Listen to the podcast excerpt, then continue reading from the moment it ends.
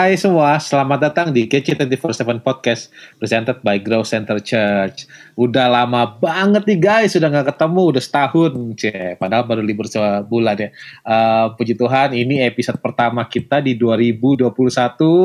Um, semoga um, semuanya dalam keadaan baik, um, semua dalam keadaan sehat, dan um, kita juga mungkin uh, berdoa buat mungkin banyak beberapa teman-teman um, kita yang ada di Manado yang mungkin kemarin sempat kena bencana um, kita berdoa buat uh, setiap mereka yang di sana dan mengucap syukur um, buat setiap uh, anggota keluarga kita yang juga uh, mungkin ada di uh, Bekasi juga. Um, terima kasih semua, semoga semua dalam keadaan sehat.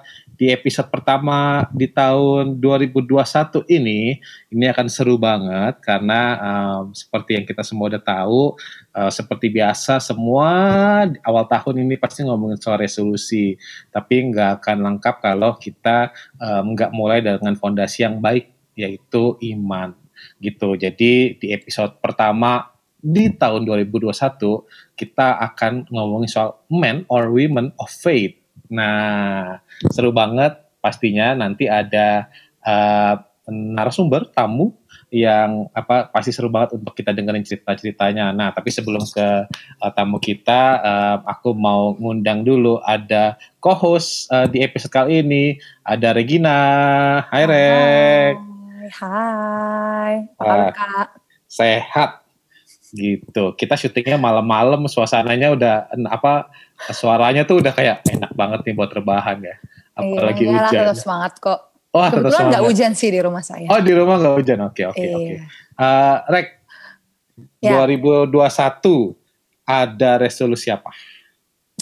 Uh, khusus untuk 2021 sih uh, kebetulan belum bikin resolusi apa-apa.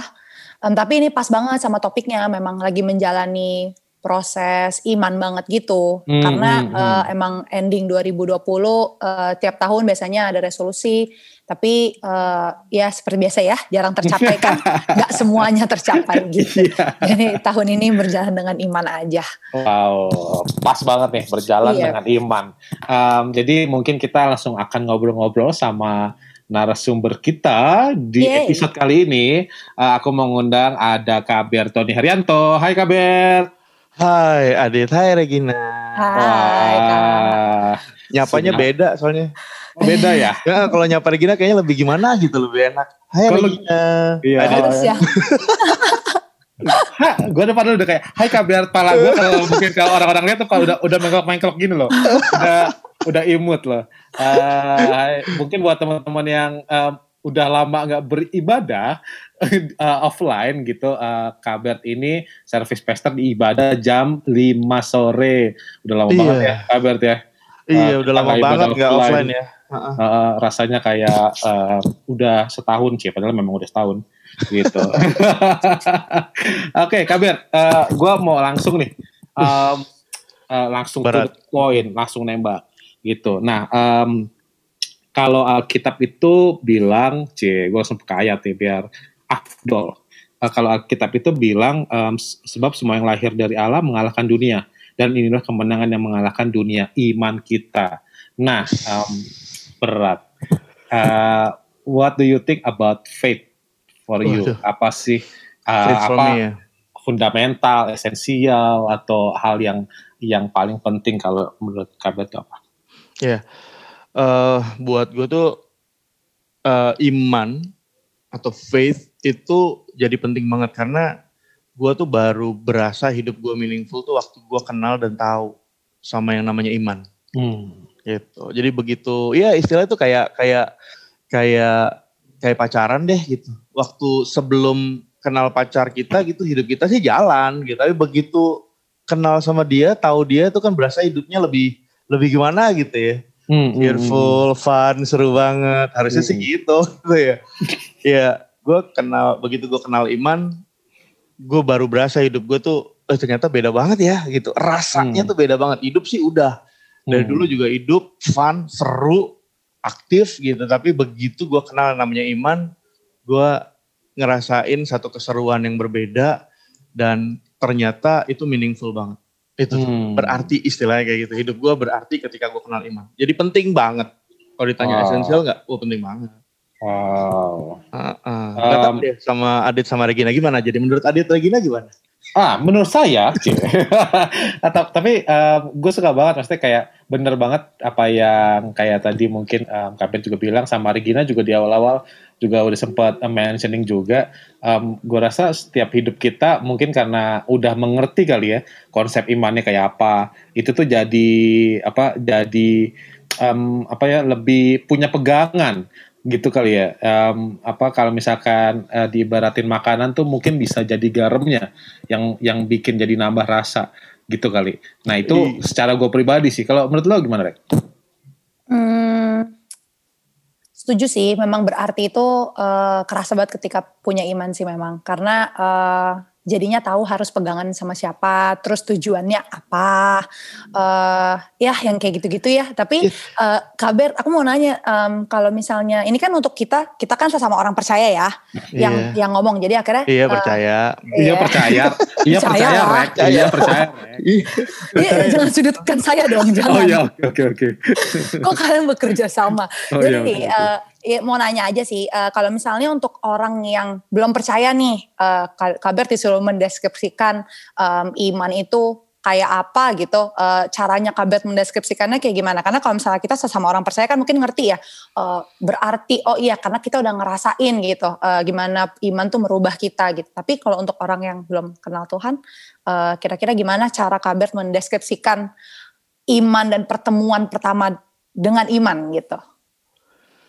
Oke, jadi uh, mungkin perspektifnya akan selalu berbeda ya, karena kamusnya beda. Gitu. Jadi mungkin kalau definisiin iman sama orang yang benar-benar belum percaya itu agak sulit. Cuma kalau dengan cara yang sederhana, aku diminta untuk nyampein, gue diminta nyampein tuh bahwa iman tuh kayak gini gitu. Mungkin uh, gue akan uh, akan coba coba gambarin. Kalau di Alkitab kan bilang gini, orang benar akan hidup oleh iman. Gitu. Jadi gue gue sebagai uh, sebagai orang yang bilangnya percaya untuk buat mereka bisa mengalami iman itu mereka kan harus ngalamin yang namanya kebenaran tuh kebenaran yang kalau di Alkitab bilang akan memerdekakan yang gue bisa share sama dia itu sebetulnya bukan bukan definisinya Rek. yang gue bisa share sama dia adalah momen-momen di mana kalau menurut mereka lu di kondisi itu harusnya lu nggak feel free, harusnya lu tertekan, harusnya lu depres, harusnya lu down. Tapi di momen itu gue bisa kasih lihat bahwa sekalipun kondisinya yang nggak baik, gue bisa temuin kekuatan lo, gue bisa hmm. temuin sukacita lo, gue bisa temuin pengharapan lo. Di situ harapan gue sih mereka bisa mendefinisikan itu perbedaannya. Orang orang ini nih yang namanya Berton ini dia punya iman di hidupnya karena dia bikin dia hidup hidupnya tuh lebih hidup gitu. Hmm. Kenapa? Sekalipun kondisi sekelilingnya mati. Karena dulu ya gue gue ngebayangin dulu gue clubbing. Dulu gue fun. Kalau menurut anak muda fun banget deh. Bisa nggak pulang tiga hari nggak diomelin. kan seru banget gitu ya. Gitu. Udah nyuri-nyuri di rumah gitu dulu untuk narkoba buat segala macam. Tapi nggak diusir juga dari rumah. Gitu. Itu kayak menurut orang, iya laki banget nih. Fun banget nih, seru banget nih. Tapi gue nggak nikmatin itu seperti yang orang lihat sebetulnya. Gitu. Begitu gue kenal Tuhan, ternyata dan gue percaya gitu jadi orang percaya gue bisa ngeliat definisi iman itu ada di hidup gue ketika eh ternyata gue nggak perlu clubbing bisa fun loh ya ternyata gue nggak perlu ngedrugs nggak perlu pakai narkoba tuh bisa seru dan bisa asik gitu ternyata tanpa gue harus berbuat jahat sama orang lain untuk di, dibilang keren sama teman-teman gue gue bisa tetap dibilang keren kok dengan apa adanya gue gitu.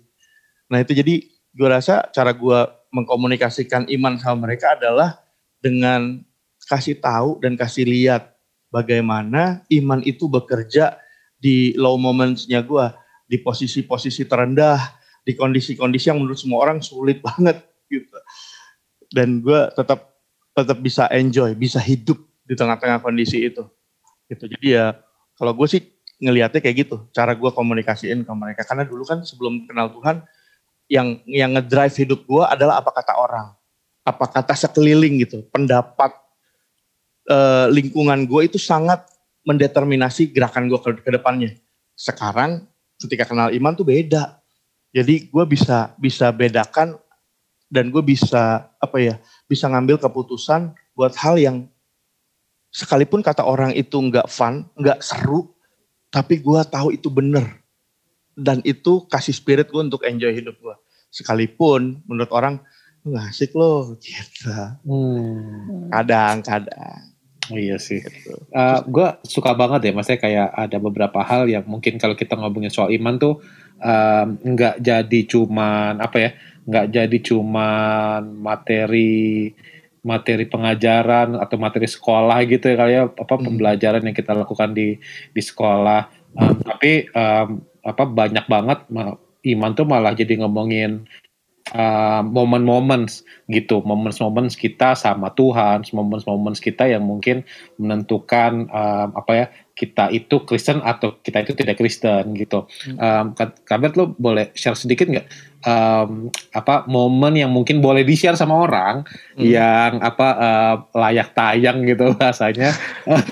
Um, perjalanan iman seorang Bertoni Herianto oh, oh, oh, apa apa sih yang paling mungkin um, um, menegangkan kah atau paling mungkin unforgettable gitu up to today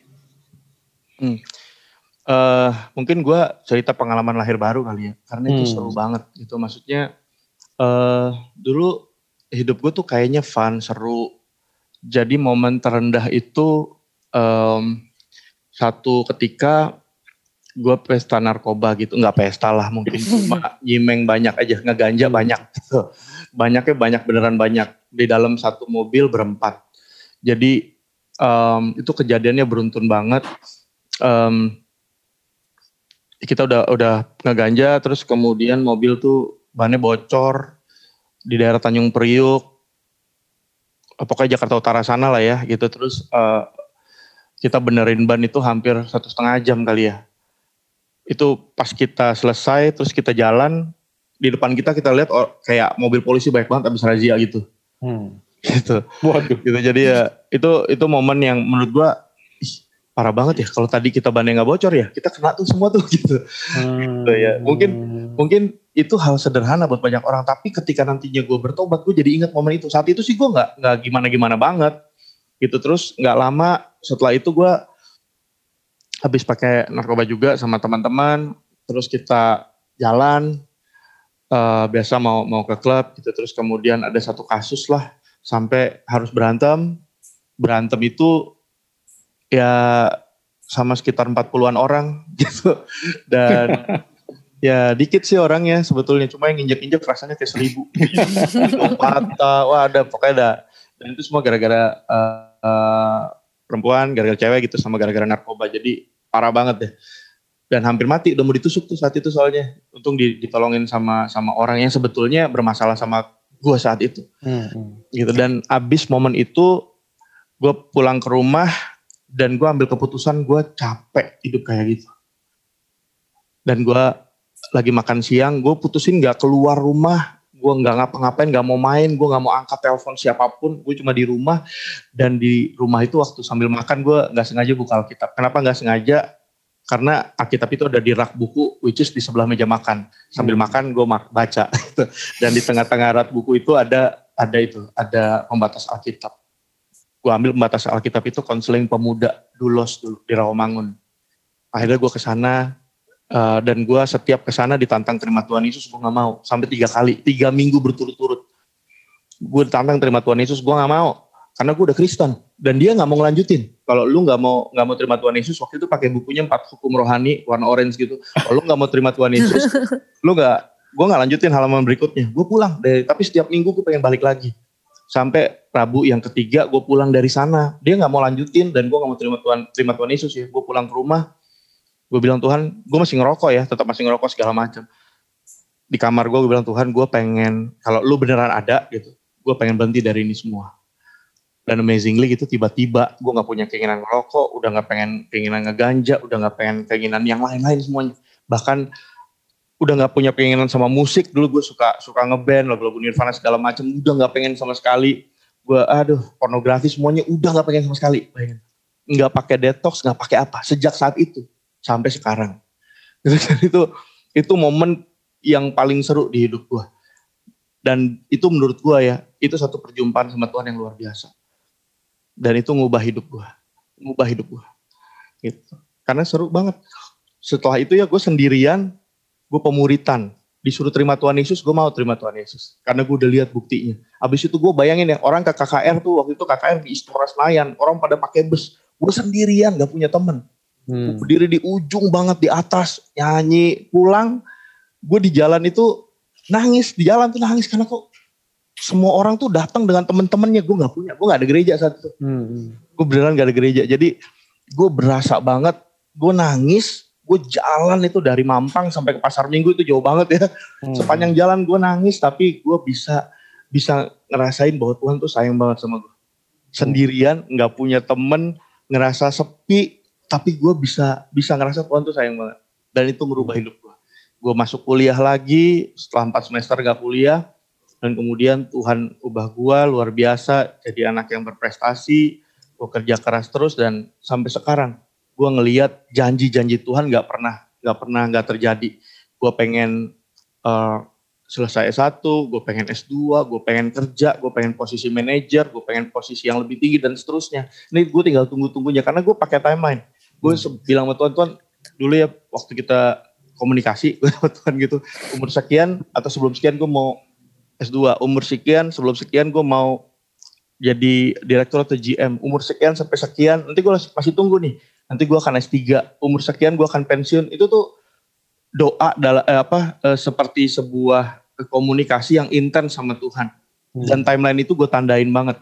Dan gue tunggu sama Tuhan, gue tunggu semuanya dan gue lihat sebagian besar udah digenapi satu persatu.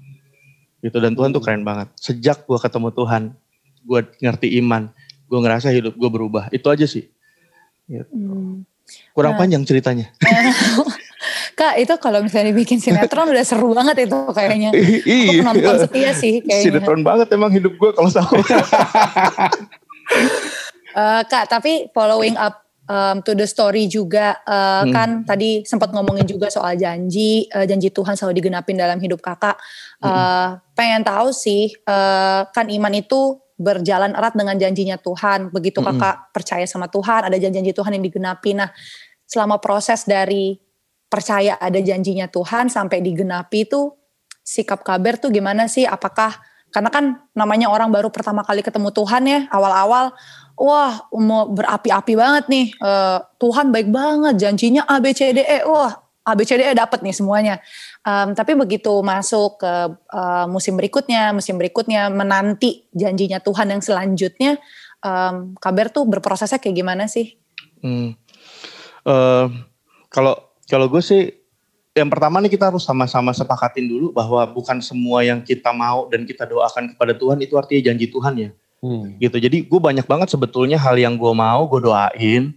Tapi gue tuh sering ngalah juga sama Tuhan. Maksudnya emang ini ini, ini daging banget nih Tuhan nih gak usah lah gak usah, hmm. gak usah. Tapi ada beberapa hal yang menurut gue gue yakin banget gue akan kejar terus. Gitu. gitu. Karena gue yakin banget gitu. Ya uh, gue dulu dulu uh, eh, gue suka sebuah ayat tuh tentang tentang biji sesawi. Dia itu ditabur, terus kemudian dia jadi pohon yang besar dan burung itu berteduh di bawahnya. Gitu. Gue tuh mungkin sebuah benih yang gak ada artinya, tapi gue percaya gue akan jadi pohon yang besar dan nanti akan jadi berkat buat banyak orang gitu. Cuma proses kesannya emang gak gampang. Asli gak gampang gitu gue berusaha untuk sabar. Sabar tuh artinya tekun sama setia. Yang gue pegang gitu orang beriman selalu mulai dengan amin. Orang beriman selalu mulai dengan amin gitu. Jadi kalau hmm. kita bicara orang beriman, kita harus mulai dengan doa. Gue sampai sekarang bisa di, dicek sama istri gue juga gitu. Gue pagi mau gue di hotel mau di mana gue akan selalu satu tuh. Karena gue nggak berani gak satu tuh.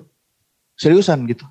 Kenapa gue harus selalu satu tuh? Karena entah gue ngerti atau nggak ngerti, kadang baca ayatnya juga nggak ngerti ya gitu. Hmm. hmm, hmm. ya, jadi tapi gue tuh harus ngobrol gitu sama sama Tuhan gitu. Paling enggak tuh tidak ngerti tidak ngertinya gue. Ya udah Tuhan kesimpulannya kan kayak gini nih kurang lebih ya. Biar ini terjadi deh. Itu yang simpel sesimpel simpelnya gitu terjadi sama hidup gue sampai sekarang.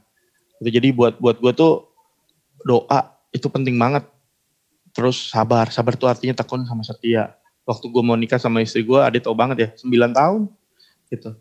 Tapi ya emang harus tekun sama setia gitu sabar gitu maksudnya kalau Tuhan udah berjanji dia pasti genapin dia loh yang genapin gitu jadi ya kalau kalau gue sih ngeliatnya gitu Rek gitu prosesnya banyak panjang Tapi percaya deh, waktunya Tuhan tuh pasti pasti ada lah. Bagian kita cuma sabar, sabar tuh, sabar gitu. Ngeliat keadaan ya udah sabar, sabar. Gitu. Balik hubungannya sama misalnya kayak waktu gue mau nikah tuh karena gue komit nggak nggak mau bikin repot keluarga, gue harus uh, provide semuanya sendiri ya. Gue prosesnya hampir satu tahun, hampir dua tahun lah, sekitar satu tahun 8 bulan gitu. Gue setiap hari itu komit makan cuma tujuh di bawah sepuluh ribu lah, rata-rata tujuh ribu, tujuh ribu lima ratus setiap hari. Bahkan bawahan gue di kantor tuh makan lebih banyak, gitu, setiap hari gitu. Gitu, tapi gue bisa enjoy, serius fun. Dulu kalau gue belum kenal Tuhan, gue bakalan malu. Gue akan nyempil sendiri, gue akan nyari waktu di mana orang gak ngeliat gue dan gue akan makan se sehemat itu gitu. Tapi ketika gue kenal tempat Tuhan, bahkan even gue berangkat sama-sama sama anak gue, gue mereka lihat ya gue makannya kayak gitu gitu. It's okay juga sih. Kenapa? Karena emang ya untuk sebuah janji ya kita harus bergerak ke arah sana gitu santai aja sih mantap iman sama amin ya iya uh, sama orang beriman uh, mulai dengan amin ya, ya. doa maksudnya maksudnya doa ya, amin iman sama imun katanya kalau sekarang ya. Yang yang penting. Apa sih. Uh, oke. Okay. uh, fokus fokus fokus. Jadi uh, apa suka banget pada saat uh, apa um, tahu tahu soal apa um, iman ini adalah hal yang mungkin um, apa ya um, bisa dibilang mungkin kayak um, overlook atau misalkan nggak bisa nggak bisa um, kita kadang-kadang sebagai orang percaya bahkan mungkin nggak terlalu memahami lebih dalam gitu soal um, iman gitu karena banyak kan kayak oke okay, iman itu bicara soal um, uh, kadang kita cuman hanya percaya sama janji Tuhan tapi kadang apa ya kayak tadi kabar juga bilang janji Tuhan itu kadang susah suka susah dibedain sama keinginan kita sendiri gitu. Um, eh, sorry dipotong deh, tapi asli tuh yang tadi gue tiba-tiba jadi keinget gini, hmm. firman Tuhan bilang tunjukkan imanmu tanpa perbuatan, karena iman iman itu pasti kelihatan serius, hmm, hmm, iman hmm. itu kelihatan gitu. Jadi kita nggak bisa bilang ada orang-orang percaya tapi dia lu kayaknya nggak ngapa-ngapain tuh nggak mungkin, hmm, karena hmm. iman tanpa perbuatan itu sia-sia mati. Jadi iman sama perbuatan tuh pasti jalannya selalu bareng. Hmm, gitu. hmm, Kalau lu ngelihat orang bertindak, mungkin dia punya iman. Hmm. Gitu. Mungkin dia hmm. punya iman. Satu lagi emang dia punya passion. tapi ya kalau buat orang benar gitu biasanya yang ngedrive dia nggak cuma passionnya dia, tapi dia punya iman, dia punya punya satu satu rasa bahwa Tuhan tuh nyertain dia. Hmm. Gitu. Jadi rasanya beda banget dah. Hmm, oke. Okay. Pertanyaannya berarti berikutnya adalah pernah nggak ngalamin um, apa nggak um, percaya? Pernah nggak ngalamin goyah? Terus um, apa boleh boleh kayak cerita lebih banyak gak mungkin soal itu? Kan kalau dari tadi kayak wah um, it's, ya kayak itu tuh kayak apa selalu anak tangga terus. Nah kita pengen tahu pernah nggak hmm. kalau kabar tuh kayak gitu? Pernah banget lah, banyak, sering banget, sering banget, sering hmm. banget waktu hmm. waktu uh, pacaran. Hmm oh waktu kerja dulu waktu kerja waktu kerja lulus kuliah terus kan full timer tuh hmm, hmm, hmm. Uh, full timer tapi kan mimpinya mau nikah nih Emang full timer gak boleh mimpi nikah? Iya waktu itu kan pengen wah udah udah selesai kuliah kerja pengennya nikah gitu. Tapi kan uh. lu bayangin aja waktu itu nih boleh sebut angka-angka gak sih? Oh, boleh boleh. Iya. Waktu itu tuh uh, kantor gue di daerah Kelapa Gading ya. Jadi uh, gue digaji tuh sekitar sembilan ratus lima puluh ribu. Hah? Tahun berapa hmm. katanya sorry? tahun dulu lah pokoknya lama oh. banget lah. Tapi waktu itu ya UMR jauh di atas itu. Oh UMR jauh ya, di atas gitu. Oke, oke. Cuma waktu itu gue eh, difasilitasin orang tua, ada mobil Panther. Hmm, hmm. gitu. Jadi ya karena jauh kan jadi gue lewat tol tuh. Hmm, hmm. bayangin aja. Uh, tolnya aja sama parkirnya udah lebih dari gajinya. Sama makannya gitu. Jadi tuh itu beneran loh. Itu bikin kapan bisa nabungnya ya? Gitu. Nanggung gak sih? Karena kan ya, matematisnya nggak kena tuh. Ya, seriusan nggak kena. Ya tapi ya gue survive uh, di uh, full timer itu hampir tujuh tahun enam setengah hmm, tahun lebih hmm, itu dan tetap punya tabungan hmm. begitu jadi nggak cuma tabungan lah banyak ada beberapa aset lah yang kecil-kecil ya itu jadi ya kendaraan sendiri gitu jadi ya ada beberapa gitu walaupun semuanya dapat dengan mujizat tapi itu itu itu pengalaman yang buatku sih lumayan. Hmm. Waktu mau nikah, pacaran tuh 9 tahun, itu juga nggak nggak nggak nanjak terus gitu. Ada kerikilnya banyak banget gitu. Kadang-kadang kayak batu cadas gitu, susah banget gitu. Tapi uh, waktu gue down ketika tadi tuh kuncinya sih saat teduh ya. Gue gak ngerti. Hmm. Kalau orang tuh suka suka males saat teduh. Mungkin versi saat teduh gue tuh juga udah berganti-ganti beberapa kali. Hmm. Ada yang rohani banget gitu sampai ada yang eh gue pokoknya gue nggak nggak nggak lupa berdoa gitu. Pernah tuh momennya ada momen kayak gitu. Itu saat teduh buat gue. Tapi itu kurang bisa direkomendasikan ya untuk dicontoh. sampai akhirnya gue kembali lagi ke baca Alkitab full itu jadi hukum gue Hmm. ya mungkin 9-10 tahun terakhir. Nah, Hmm. itu jadi kekuatan banget. Hmm. Jadi pernah nggak ngalamin, aduh ngalamin banget. Bakalan Hmm. lulus nggak ya kuliah gue? Gue S1 tuh tujuh setengah tahun loh. Hmm. Iya itu ngeri banget. Gitu. Pasti gue bakal lulus atau enggak ya? Untung ada istri gue sekarang yang yang Tuhan taruh waktu itu belum pacaran bahkan ya, masih PDKT di akhir dan dia tuh mau bantuin banget. Maksudnya dia ada dan motivasi gue banget sampai gue selesaiin kuliah S1 gue dulu. Gitu. Ya momennya sih kalau ditanya banyak gak? Waduh banyak banget. Banyak Hmm. banget Hmm. seriusan yang yang yang yang sakit, yang yang mungkin nggak nggak beberapa kayaknya harus disensor karena nggak enak untuk, untuk diceritain. Tapi gue ngeliat eh, di pekerjaan, karir, ketika gue udah excel banget di, di dulu gue di, di sebuah perusahaan ya, kalau dibikin lomba efisiensi di kantor, selama tiga tahun berturut-turut gue juara satu, Hmm. selalu juara satu gitu. Terus mewakili Indonesia tuh untuk di regional di Asia Pasifik itu dapat juara dua, dijanjiin posisi.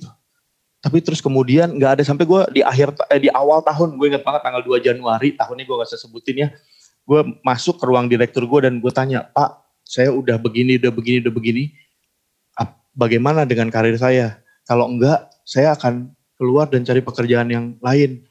Dia bilang enggak tuh saya udah siapin tempat kamu di situ tunggu aja. Gue tunggu berdoa enam bulan kemudian gue keluar dari perusahaan itu dan gue kerja di perusahaan multinasional. Terus kemudian ya gue kerja ke Thailand gitu. Jadi gue ngelihat bagaimana ada momen-momen downnya banget. Hmm. Tapi ya serendah-rendahnya kita gitu bahkan di lembah kekelaman katanya tuh Tuhan tuh ada di sana.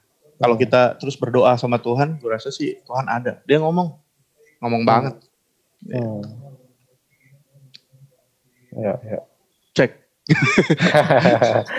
Em, gue mau dalemin lagi nih kata nih maksudnya em, em, di banyak sisi em, apa selalu lebih menyenangkan saat apa em, eh, iman itu dijawab langsung gitu. Em, tadi Regina sempat nanya in between proses akan seperti apa.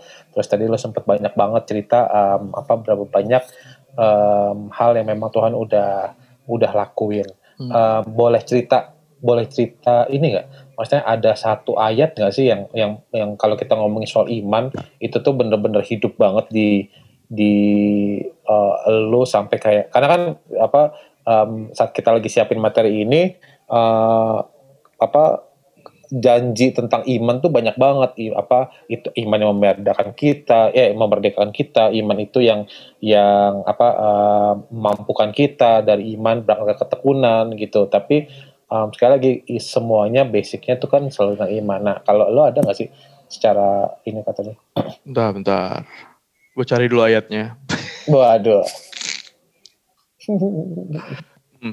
Eh tadi gue sempat mention beberapa kali tentang sabar ya. Hmm. Sabar, sabar, sabar. Karena di Ibrani 6 ayat 15 ditulis gini. Abraham eh, menanti dengan sabar dan dengan demikian ia memperoleh apa yang dijanjikan kepadanya.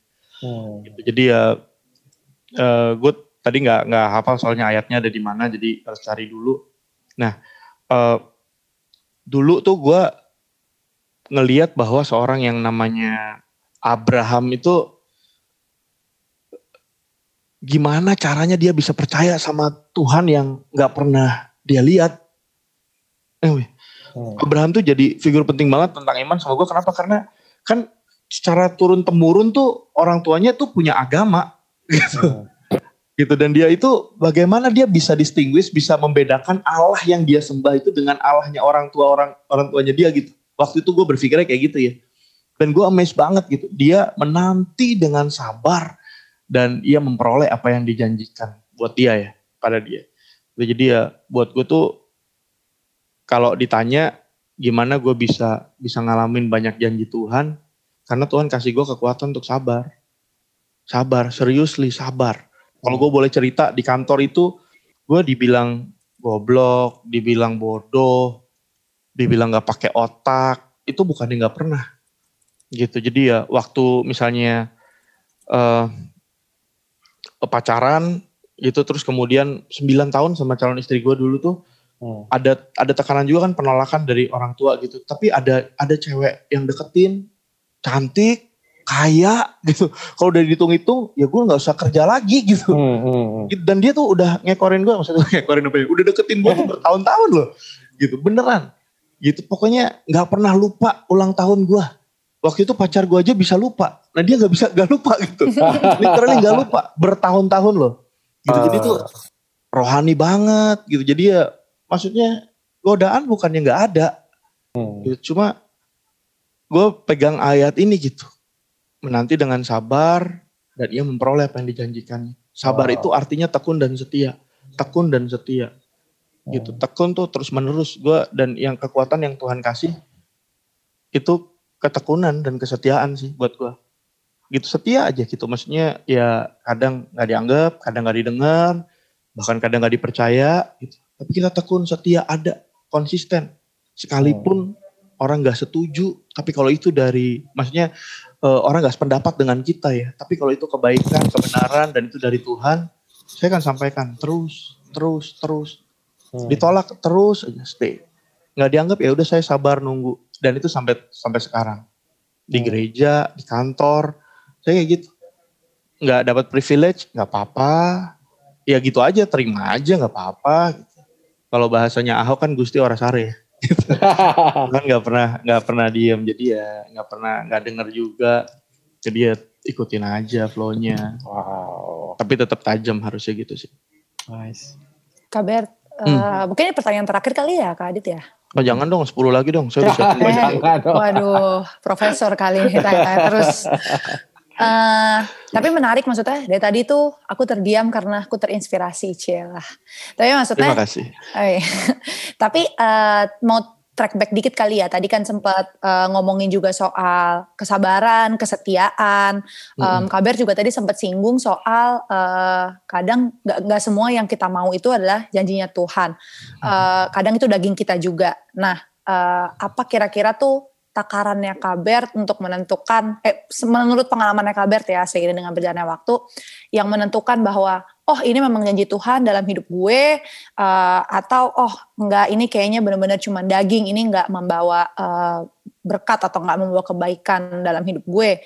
Uh, pasti di situ ada ada perannya Tuhan juga kan, uh, gimana menajamkan uh, pendengaran spiritual kabar juga untuk menentukan nih mana nyanyi Tuhan, mana yang emang daging. Itu boleh nggak Kak diceritain untuk Ada. Rakyat. Ada ayatnya. Wow, mantap. 1 Tesalonika 5 ayat 19 sampai 21. Janganlah padamkan roh dan janganlah anggap rendah nubuat-nubuat. Ujilah segala sesuatu dan peganglah yang baik. Jadi oh. uji segala sesuatu dan pegang yang baik. Aduh gue sampai merinding nih.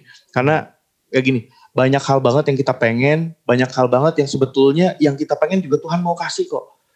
Beneran loh asli. Cuma masalahnya kitanya udah siap atau belum. Buat saya sih lihatnya kayak gitu. Tuhan tuh gak terlalu sulit untuk berkati kita. Masalahnya kita atau untuk nolong kita atau segala macam masalah kita udah siap belum di posisi itu. Jangan-jangan waktu ditolong kita jadi sombong. Jangan-jangan waktu kita diberkati kita jadi lupa sama Tuhan dan lain sebagainya gitu.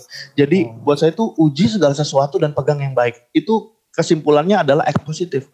Selalu hmm. positif gitu jadi jangan seuzon sesuatu itu pasti jelek jangan seuzon jangan sombong juga dan overconfidence bahwa sesuatu itu pasti dari Tuhan dan baik hmm. ujilah sesuatu artinya namanya ujian ya atau sebuah proses pengujian itu ada waktunya ada ada ada fase-fasenya ya terus ada apa ya ada standarnya gitu jadi ya uh, kita ikutin prosesnya tapi selalu harus upgrade standarnya. Kalau buat saya itu kayak gitu. Misalnya saya mau mau mau jadi seorang manajer, ya saya nggak bisa satu aja, harus di S2. Hmm.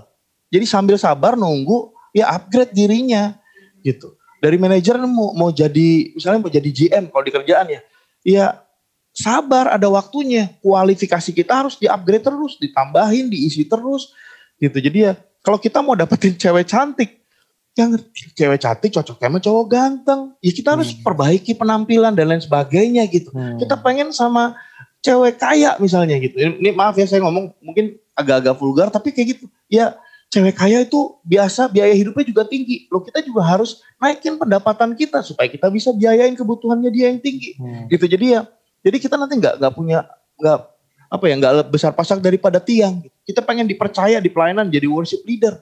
Ya suara kita harus bagus, harus sesuai Hmm. dengan standar worship leadernya gitu. Hmm. Kalau bisa setting standar yang setinggi mungkin. Lu lu mimpiin pergi ke bulan supaya kalau lu jatuh aja lu bisa dapat bintang gitu. Karena grade-nya di sana gitu. Jadi ya kalau buat buat saya tuh apa yang yang hari ini bisa membuat kita bisa membedakan mana janji Tuhan sama apa keinginan kita. Uji segala sesuatu dan pegang yang baik Hmm. gitu.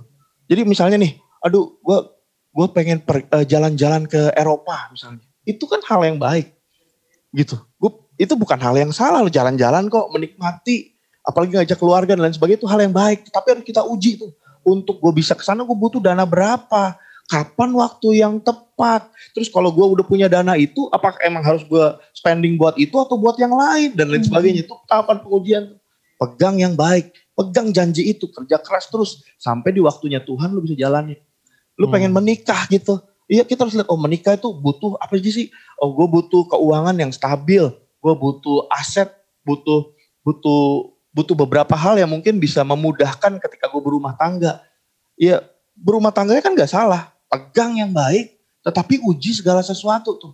Ya kita benar-benar uji, gue udah sampai mana nih kemampuan gue nih, gue udah bisa apa gitu. Jadi kalau kita pacaran, gue harus spending gak sih? Karena gue mimpinya mau menikah nih. Oh gue spendingnya terbatas aja deh. Gue lebih banyak nabung, investasi dan lain sebagainya. Gue uji apa yang ada di hidup gue dan gue pegang apa yang baik yang menurut gue Tuhan juga bisa berkati gue lewat itu dan waktunya Tuhan harusnya itu bisa boom kejadian. Hmm, Oh, wow. Speechless ya guys. termenung deh. termenung ya. Kenapa jadi termenung ya? Rek? Harusnya harusnya terdrive kayak semakin percaya gitu loh. Iya itu Bukan masuk termenung. masuk ke dalam otak menyusup. Oh iya. Oh iya oke oke. Oke oke. Tapi kan di, di kenyataan sekarang tuh anak-anak sekarang tuh kalian soalnya kayak gini nih, gue gue klaim janji Tuhan, gue klaim janji Tuhan.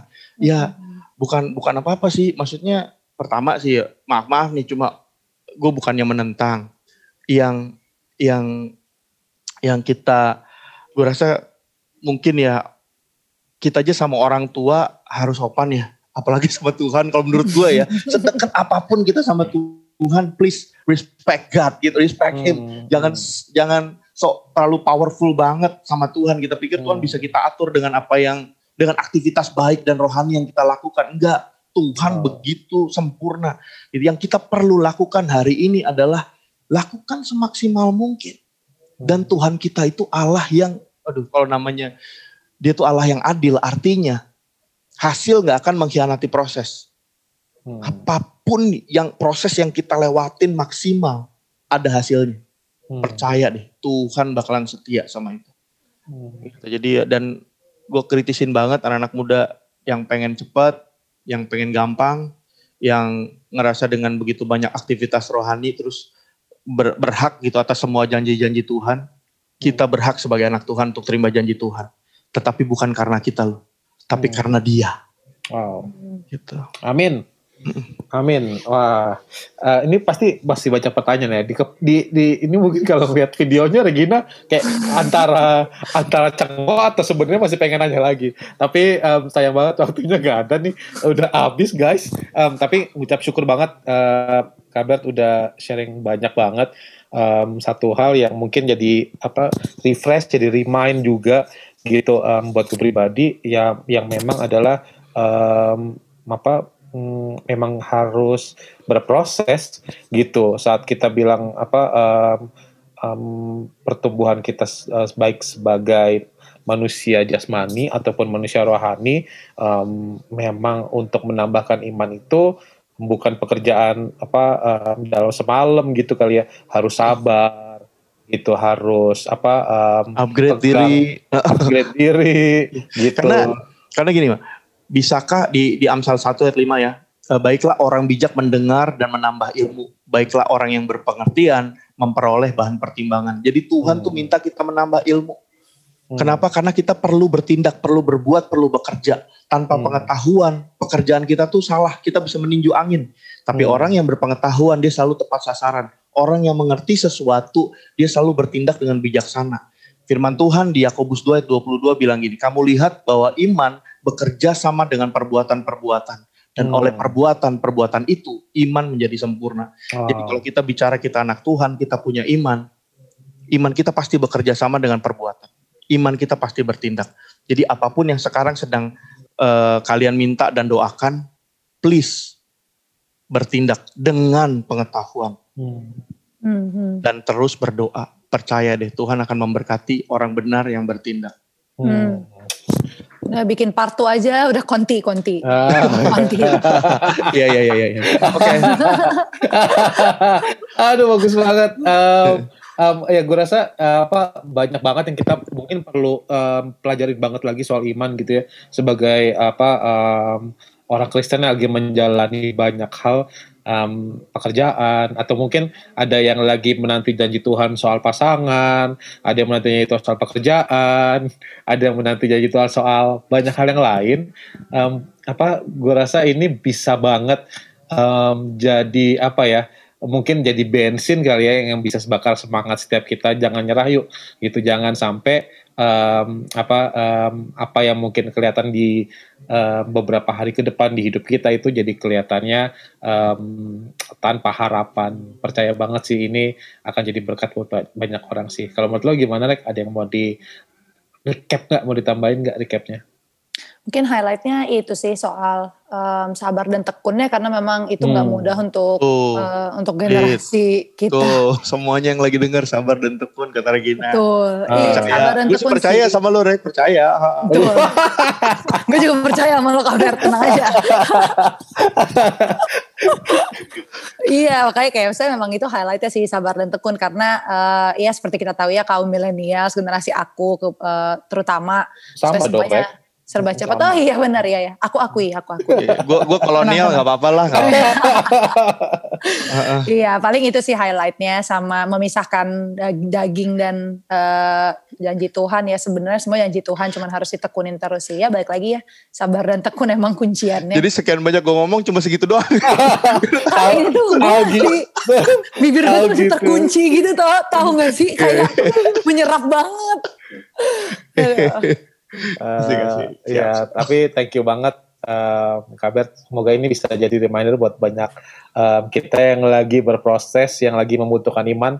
Em, jangan menyerah guys. Em, perjuangkan perjuangkan terus lagi nungguin cewek kayak lagi nungguin cowok kayak gitu ya perjuangkan terus guys yang lagi menunggukan apa em, calon mertua ya Kabar ya Eh, jangan sampai telat guys gitu. Pokoknya orang beriman selalu mulai dengan amin ya. Ah iya Dengan doa ha, orang beriman mulai dengan amin supaya imunnya nambah ya guys. Iya ya. Masih pesan pemerintah. Ini ada iklannya gak sih Oh iya, ada, ada nanti ada tulisan apa apa, apa info tentang covid nih nanti di Jangan lupa 3M ya. Ya, Heeh, dia punya produk banyak banget mau dikasih tahu apa aja. 3M beda ya, salah ya. 5M sekarang 5M. Sekarang lima, udah lima, udah nambah. Oke, Kabar, thank you banget atas waktunya. Uh, percaya banget ini jadi episode yang um, sebuah episode yang kickstart banget buat kita di tahun 2021. Amin. Ucap syukur buat uh, waktunya. Thank you Kabar. Um, sekian dari kita episode kali ini. Terima kasih semua.